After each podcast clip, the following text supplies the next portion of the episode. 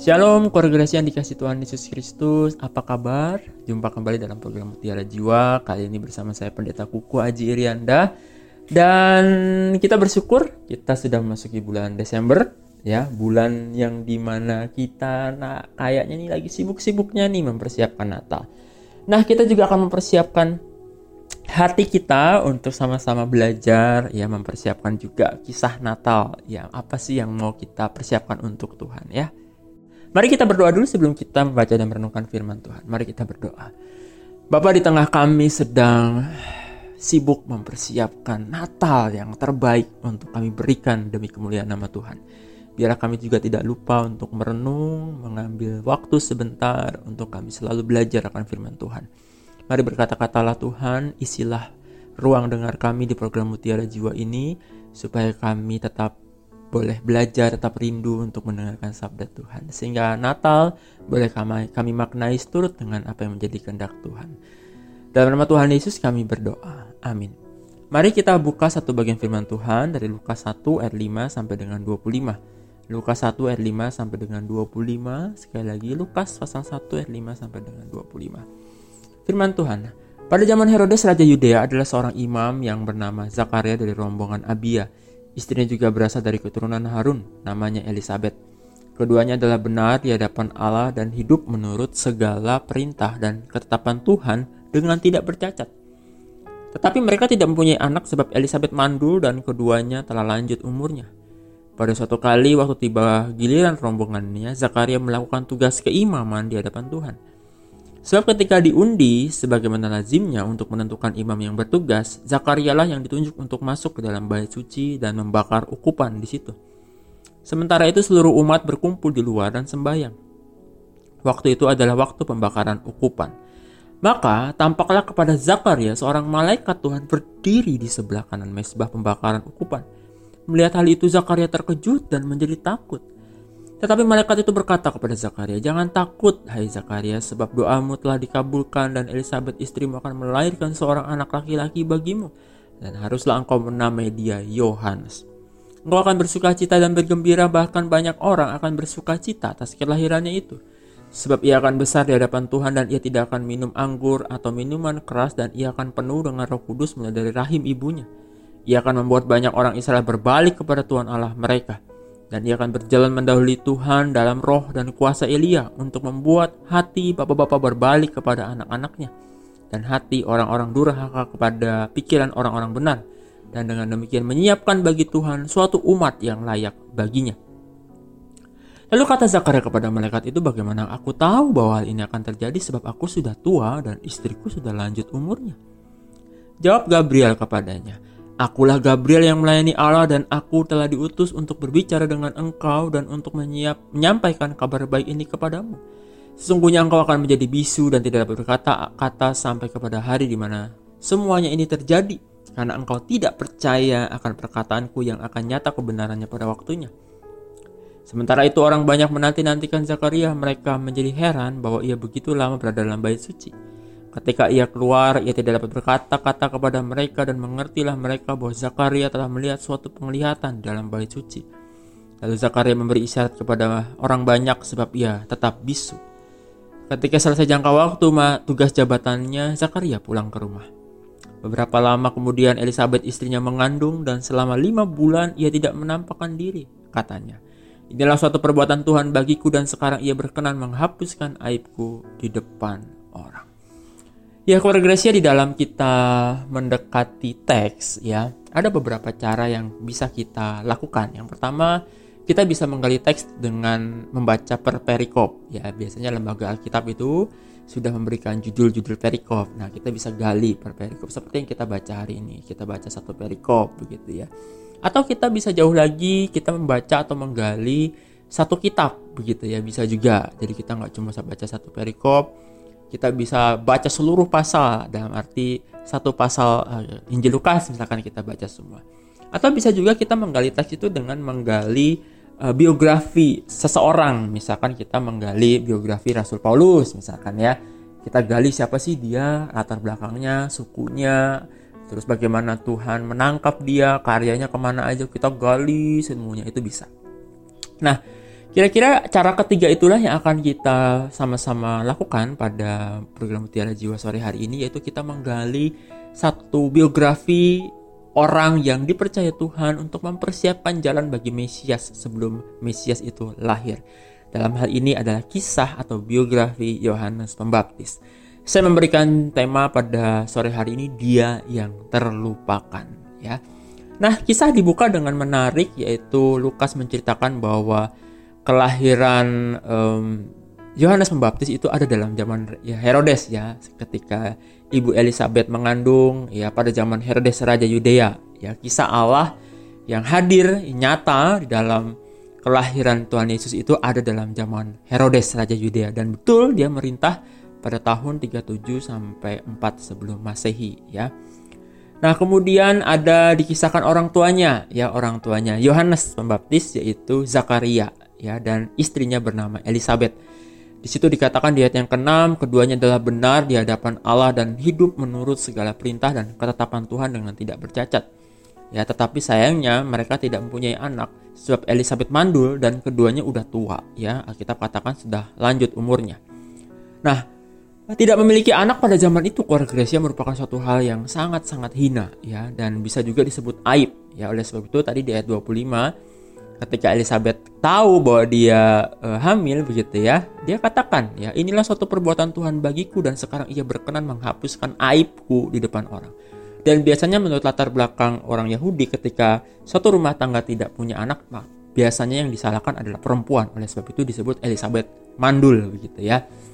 Nah, dari kisah uh, apa ya pembukaan biografi dari Yohanes Pembaptis ya dikisahkan di sana bahwa ternyata orang tuanya uh, dia orang tuanya Yohanes Pembaptis adalah orang yang hidup benar. Ya seorang imam yang luar biasa menaati perintah Tuhan tidak bercacat dan ibunya juga seorang istri yang setia.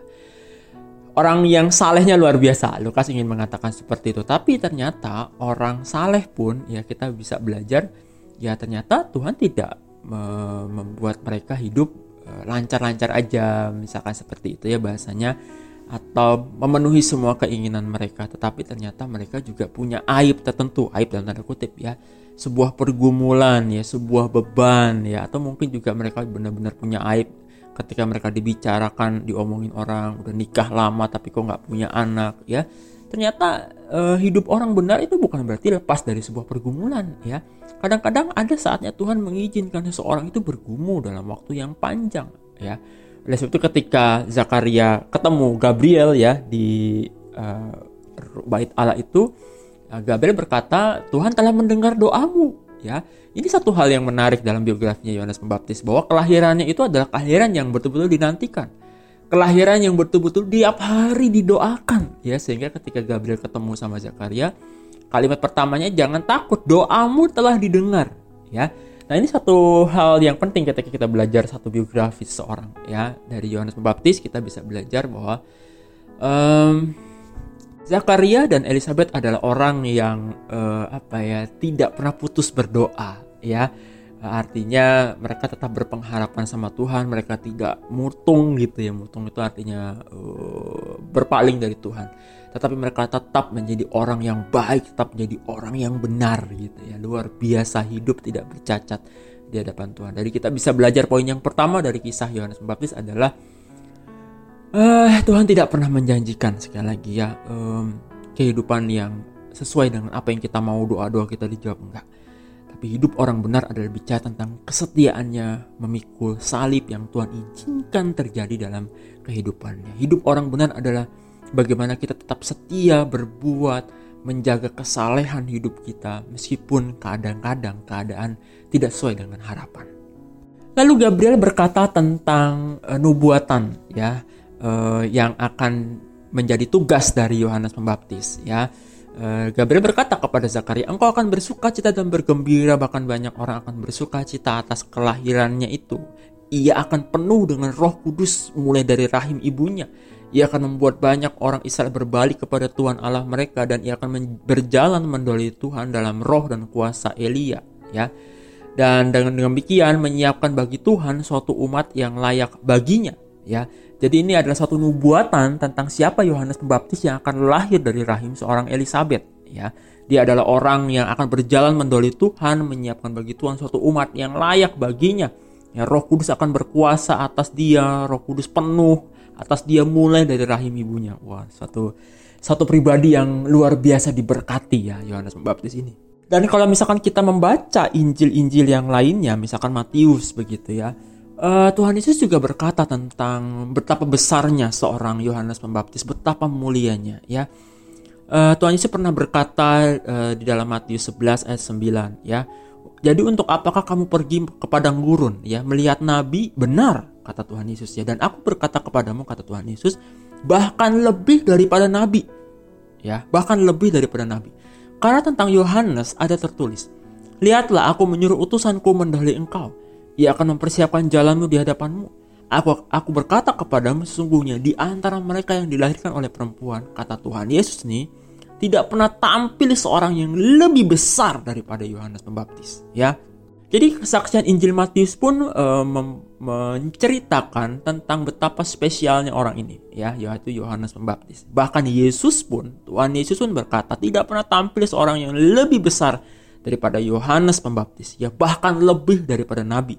Itu tercatat dalam Matius 11 ayat 9 sampai 11. Kalau misalkan Injil uh, menceritakan betapa besarnya tokoh seorang Yohanes uh, Pembaptis, ya tetapi di dalam kisah-kisah drama Natal rasanya kita nggak pernah ya mengangkat kisah atau peran besar seorang Yohanes Pembaptis ya.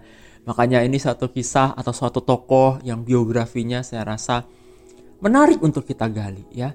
Uh, pendeta Dr. Ander Ismail pernah bilang ya Yohanes Pembaptis itu adalah seorang pelopor yang dilupakan ya karena kisah-kisahnya hampir nggak pernah kita angkat kita gali misalkan ya atau kita ceritakan munculkan di dalam kisah uh, drama Natal ya uh, selama hidup ya rasanya kita nggak pernah lihat itu ya kisah Yohanes Pembaptis yang muncul dalam drama Natal. Padahal kata Pak Andar dia adalah seorang pelopor yang yang mendahului berjalan mendahului Tuhan ya dia juga adalah um, apa ya seorang yang di, sudah dinubuatkan oleh Nabi Yesaya ratus-ratus tahun sebelumnya ya dia adalah suara yang berseru-seru kata Nabi Yesaya. Persiapkanlah di padang gurun jalan untuk Tuhan luruskanlah di padang belantara jalan raya bagi Allah kita. Ya itu ada dalam kitab Yesaya 40 ayat 3 sampai 5 Nah, di dalam dunia bisnis biasanya seorang pelopor itu memiliki uh, satu penghargaan yang besar. Misalkan Steve Jobs ya yang uh, menemukan iPhone touchscreen gitu ya. Kemudian ada Bill Gates ya, ada mungkin Nadiem Makarim ya Bill Gates menemukan uh, Windows ya Bill, Nadiem Makarim misalkan menemukan Gojek yang membuat hijau ya seluruh kota di Indonesia. Nah, biasanya orang-orang penemu itu atau pelopor itu biasanya dihargai dalam dunia bisnis ya. Tapi sayangnya untuk Yohanes Pembaptis rasanya kita kurang memberikan penghargaan itu. Bagi Yohanes Pembaptis, justru karena dia tahu dirinya adalah seorang pelopor, maka ia menyadari perhatian utamanya itu bukan untuk dia. Sekali lagi saya garis bawahi. Justru karena dia tahu dirinya seorang pelopor, pelopor ya, maka ia menyadari perhatian utamanya itu bukan untuk dia. Ya, melainkan siapa? Melainkan siapa yang dia pelopori. Ya, itulah perbedaan mulianya seorang Yohanes Pembaptis, ya. Bapak Ibu pernah lihat uh, iring-iringan mobil presiden atau mobil-mobil tamu negara? Nah, uh, biasanya ada tuh polisi yang berjalan naik motor ya paling depan membentuk satu apa ya barisan segitiga begitu ya untuk membuka jalan. Nah, itulah yang disebut dengan pelopor. Ya, itulah tugas orang pelopor. Tugas orang pelopor adalah membuka jalan. Tetapi pada saat yang sama sang pelopor itu tahu bahwa perhatiannya bukan untuk dia, tetapi untuk sang presiden yang ada di belakang, untuk tamu negara yang ada di belakang. Yang di belakang itu lebih mulia. Ya, itulah tugas orang pelopor dan Yohanes Pembaptis sangat-sangat menyadari itu. Oleh sebab itu ketika Tuhan Yesus datang ke Yohanes Pembaptis untuk minta dibaptis, ya, eh, Yohanes Pembaptis menolak begitu ya. Di dalam Matius 3 ayat 14 di situ dikatakan tetapi Yohanes mencegah Tuhan Yesus katanya akulah yang perlu dibaptis olehmu dan engkau yang datang kepadaku gitu ya. Jadi uh, Yohanes Baptis adalah satu pribadi yang betul-betul humble ya buat saya pribadi. Betul-betul humble betul-betul rendah hati ya. Perannya begitu besar Yesus pun sangat memuliakan dia begitu. Yesus pun tahu berhadapan dengan seorang nabi begitu ya. Tapi bagi Yohanes Pembaptis ya ketika berjumpa dengan Yesus dialah yang merasa harus dibaptis. Akulah yang perlu dibaptis olehmu dan engkau yang datang kepadaku tanya eh, Yohanes kepada Tuhan Yesus. Dan Yohanes Pembaptis memang pribadi yang tahu betul ya sadar betul lah siapa dirinya. Ya dia katakan membuka tali kasutnya pun aku nggak layak ya. Sungguhnya aku membuka tali kasutmu pun Yesus begitu ya aku nggak layak ya. Dan ada satu kalimatnya di dalam Injil Yohanes ya Yohanes 3 ayat 30 ya ayat 28 dan 30 di situ dikatakan kamu sendiri dapat memberi kesaksian bahwa aku telah berkata aku bukan Mesias tetapi aku diutus untuk mendahulunya ini satu kalimat yang menarik tuh uh, ketika dia terkenal ya kalau tadi Gracia membaca ya uh, bahwa uh, banyak penduduk Yerusalem yang datang bahkan seluruh Yudea dari seluruh daerah sekitar Yordan itu datang mengakui dosa karena seruan Yohanes Pembaptis ya uh, Injil sebenarnya ingin mengatakan bahwa Yohanes Pembaptis itu sebenarnya tokoh yang famous, ya tokoh yang populer banget pada saat itu, viral lah ibaratnya kalau dalam bahasa sekarang, karena dia menyerukan pertobatan ya dan dia membaptis banyak orang di situ. Dan uh, namanya tuh uh, terkenal ke mana-mana bahkan di seluruh Yudea ada orang datang bahkan orang Saduki orang-orang Farisi juga datang ke situ ya untuk melihat sosok Yohanes Pembaptis. Artinya kenapa kalimat bahwa Eh, bahwa Yohanes berkata aku bukan Mesias tetapi aku diutus untuk mendali ini sangat menarik dalam Yohanes 3 ayat 28 karena bagi Yohanes sesungguhnya gampang untuk mengambil alih atau mencuri kemuliaan ya. Bisa saja dia mengatakan bahwa akulah Mesias karena dia sudah pengikutnya sudah banyak ya. Banyak orang yang sudah dibaptis mudah sekali untuk mengaku e, bagi seorang Yohanes Pembaptis bahwa akulah Mesias gitu ya. tetapi itu nggak dilakukan koreksi ya yang dia lakukan adalah dia berkata bahwa aku bukan Mesias. Ya, yang dia katakan Mesias lah yang harus semakin besar tetapi aku harus semakin kecil. Itu ada tuh perkataan itu dalam Yohanes 3 ayat 30. Dan itu menjadi satu lagu sekolah minggu ya bahwa uh, tiap hari Tuhanlah yang harus semakin besar dan akulah yang semakin kecil. Itu inspirasinya ada tertulis oleh seorang yang bernama Yohanes Pembaptis. Jadi godaan untuk dia mengklaim kemesiasan Tuhan tidak dia lakukan. Ya, padahal dia adalah orang yang disanjung dan dikagumi ya oleh banyak orang. Jadi sekarang kita bisa mengerti kenapa Tuhan berkata bahwa tidak pernah tampil seorang yang lebih besar daripada Yohanes Pembaptis. Yang pasti bukan karena Yohanes Pembaptis pernah membuat mujizat ya. Tidak pernah Injil mengatakan Yohanes Pembaptis membuat mujizat Melainkan Yesus sangat respect kepada Yohanes Pembaptis itu karena jiwa kepeloporannya tadi ya. Jiwa yang tanpa pamrih berseru-seru menyiapkan jalan untuk Tuhan. Jiwa yang tanpa pamrih ya tidak butuh untuk terkenal. Jiwa yang tanpa pamrih ya mencari untuk dikenal ya tidak tidak perlu. Artinya jiwa pelayanan dia adalah jiwa yang murni untuk melayani sang Mesias sejati yang akan datang. Tapi kita tahu Ya, sekali lagi tapi kita tahu bahwa Yohanes Pembaptis adalah tokoh yang meninggalnya begitu tragis ya. Kita tahu bahwa ketika ulang hari ulang tahun Herodes yang menarilah anak perempuan Herodias ya. Herodias ini adalah istrinya Herodes yang pernah ditegur oleh Yohanes Pembaptis ya. Karena dia menikah dengan Herodes padahal Herodias itu masih menjadi istri Filipus ya, saudaranya sendiri begitu ya, tapi diambil oleh uh, Herodes begitu ya. Nah, ketika anak Herodias ini menari di hari ulang tahunnya Raja Herodes, maka bersumpahlah Herodes ya akan memberikan kepadanya ya akan memberikan kepadanya apa saja yang dimintanya begitu ya. Padahal Herodes itu adalah tokoh yang sangat uh, segan ya, sangat segan, sangat menghormati Yohanes Pembaptis ya. Kalau kita baca dalam Markus 6 ayat 20, Herodes dikatakan segan akan Yohanes karena Herodes tahu bahwa Yohanes adalah orang yang benar dan suci jadi Herodes melindunginya. Tetapi apabila ia mendengarkan Yohanes, hatinya selalu terombang-ambing, ya. Tapi ia merasa senang juga mendengarkan dia, begitu ya. Jadi meskipun ditegur oleh Yohanes Pembaptis, ya, mungkin Herodes sakit hati atau Herodes malu. Tapi Herodes segan kepada Yohanes, ya. Karena dia tahu, ya, Herodes tahu bahwa Yohanes adalah orang benar. Dia tahu bahwa Yohanes ini orang suci, begitu ya. Bahkan seorang raja, seorang seperti Herodes juga mengakui kebesaran dari Yohanes Pembaptis.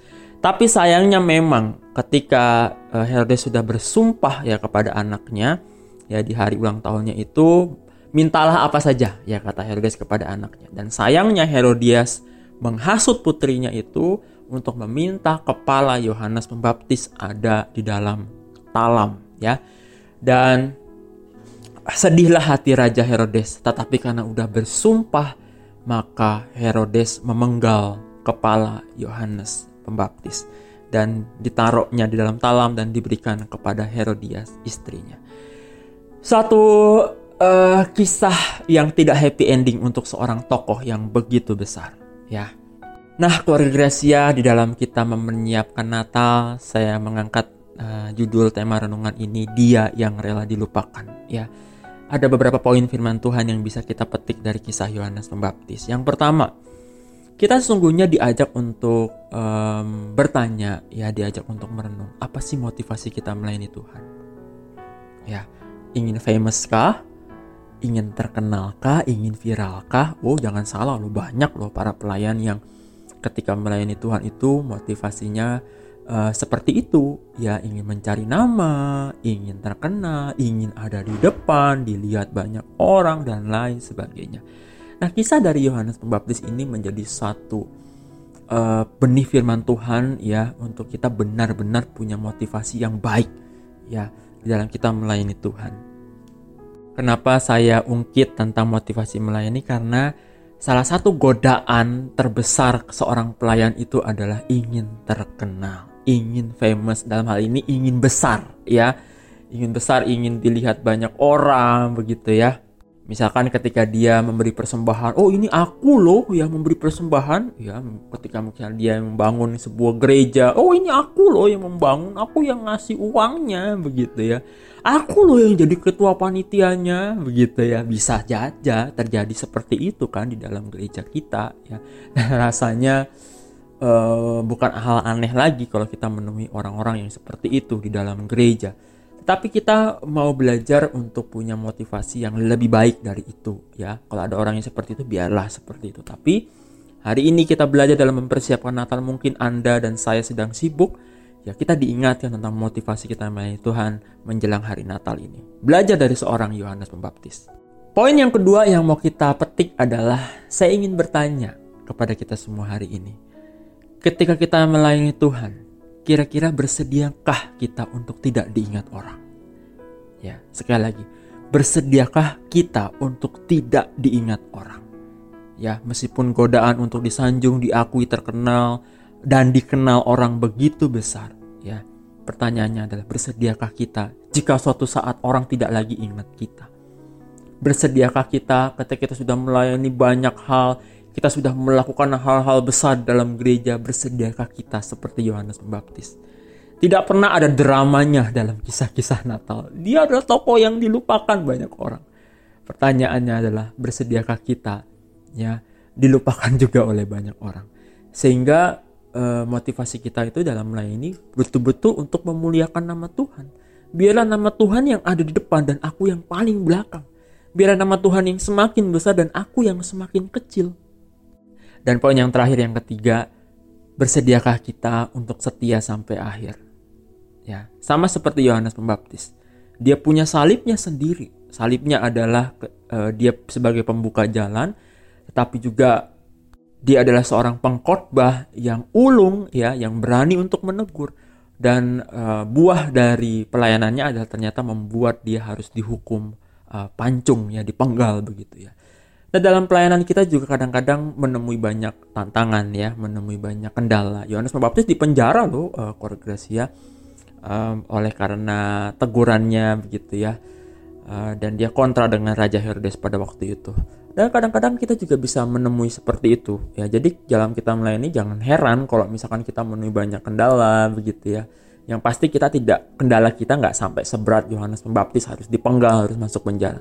Tapi seandainya pun kita mengalami hal itu kita boleh merenung dari biografinya Yohanes Pembaptis adakah kita setia ikut Tuhan? Ya. Atau kita malah meninggalkan Tuhan? Di tengah-tengah semua kendala semua beban semua pergumulan pelayanan yang kita lakukan di tengah-tengah kehidupan pelayanan kita. Mari kita berdoa keluarga Gracia Tuhan terima kasih untuk firman yang boleh kami renungkan hari ini di mana kami mempersiapkan Natal. Kami boleh belajar satu biografi tokoh Alkitab yaitu Yohanes Pembaptis. Biarlah benih-benih firman Tuhan, kebenaran firman Tuhan ini boleh kami ambil, boleh menjadi bagian dalam diri kami, sehingga kami punya motivasi yang lebih benar, lebih baik ketika kami melayani Tuhan. Terima kasih Bapak dalam nama Tuhan Yesus kami berdoa. Amin. Baik demikian Gresia, saya Pendeta Kuka Jirianda pamit undur diri sampai ketemu lagi ya dalam program Mutiara Jiwa selanjutnya. Selamat mempersiapkan Natal, selamat melayani Tuhan dalam kepanitiaan-kepanitiaan Natal. Selamat mempersiapkan Natal juga di tengah-tengah keluarga bersama suami, istri, anak-anak, mama, papa terkasih. Berkat sukacita Natal bersama dengan keluarga Gracia semua. Shalom, sampai jumpa.